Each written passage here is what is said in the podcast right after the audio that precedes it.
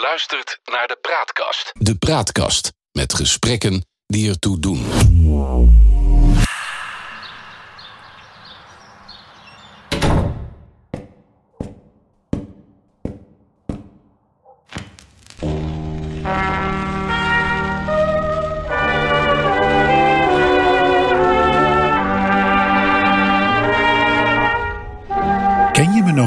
Vroeg de vrouw die op het pad naar de ingang van de B&B kwam lopen. Die vraag wordt me veel vaker gesteld en ik gruw ervan. Als je maandelijks honderden mensen ontmoet, en dat al je leven lang, dan is het een vraag die je zelden naar tevredenheid van degene die hem stelt kunt beantwoorden. Ik bestudeerde haar gezicht. De vrouw had een hoopvolle blik. Ik keek haar nog eens goed aan en vaag begon me iets te dagen, maar ik vermoedde dat die eerdere ontmoeting wel eens tientallen jaren geleden zou kunnen zijn. Jij en je toenmalige vriend Joop woonden toen in de straat schuin tegenover mij en mijn man Hans. Ineens wist ik het. Petra en Hans, onze overburen in een nieuwbouwwijk in een groeigemeente onder de rook van Amsterdam. Petra, zei ik, en is je man Hans er ook nog? Ik denk het wel, glimlachte ze, maar ik heb geen contact meer met hem. En Joop, die leeft niet meer?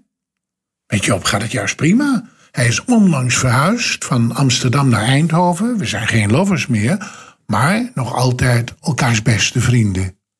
Ach, ik had gehoord dat hij was overleden, zei Petra. Wat goed om te horen dat het niet zo is. Zal ik jou bellen? Nou, dat zou ik geweldig vinden. Joop wist meteen wie voor me stond en hij vond het leuk om in de auto te springen en naar de B&B in Best te rijden. Een uurtje later kwam Joop het parkeerterrein op. Ik had ondertussen een maaltijd gekookt voor Petra, Joop, Aldo, mijn huidige partner, en mezelf. Er kwamen flessen wijn op tafel en het werd meer dan gezellig. Toen de vrouw tegen middernacht naar haar kamer verdween, vroeg Joop me: Herinner je je haar man Hans nog? Ik knikte. Ja, vaag wel. Dat was de man van de striptease, wist Joop. Ineens wist ik het weer. Elke donderdagavond ging Joop met Petra van acht tot negen paardrijden en daarna dronken we altijd met z'n vieren nog een afzakkertje. De ene week bij ons en de andere week bij hun. Ja, nu weet ik het weer. Hij was razend trots op dat fors uitgevallen apparaat van hem en pochte daar met enige regelmaat over. Precies.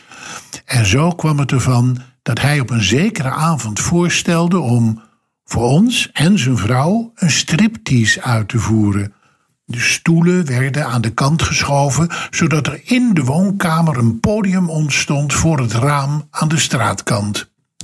De driezitsbank werd zo gedraaid dat Petra en ik als een volwaardig publiekje goed uitzicht zouden hebben op wat ons onverwacht aangeboden werd als voorstelling.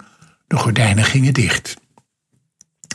Hans vroeg aan Petra of ze de plaat van The Pink Panther op wilde zetten. Bij het horen van de muziek begon Hans wulps te dansen.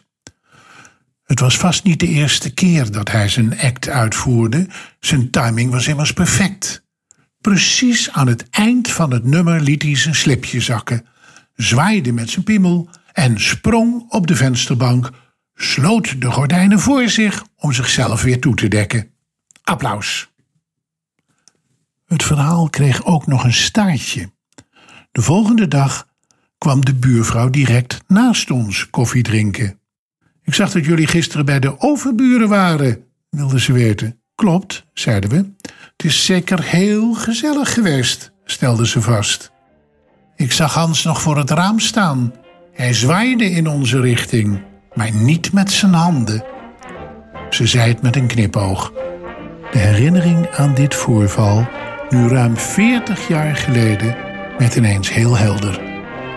Terug naar het heden. De volgende ochtend bij het ontbijt heb ik Petra maar niet meer over haar ex Hans gesproken.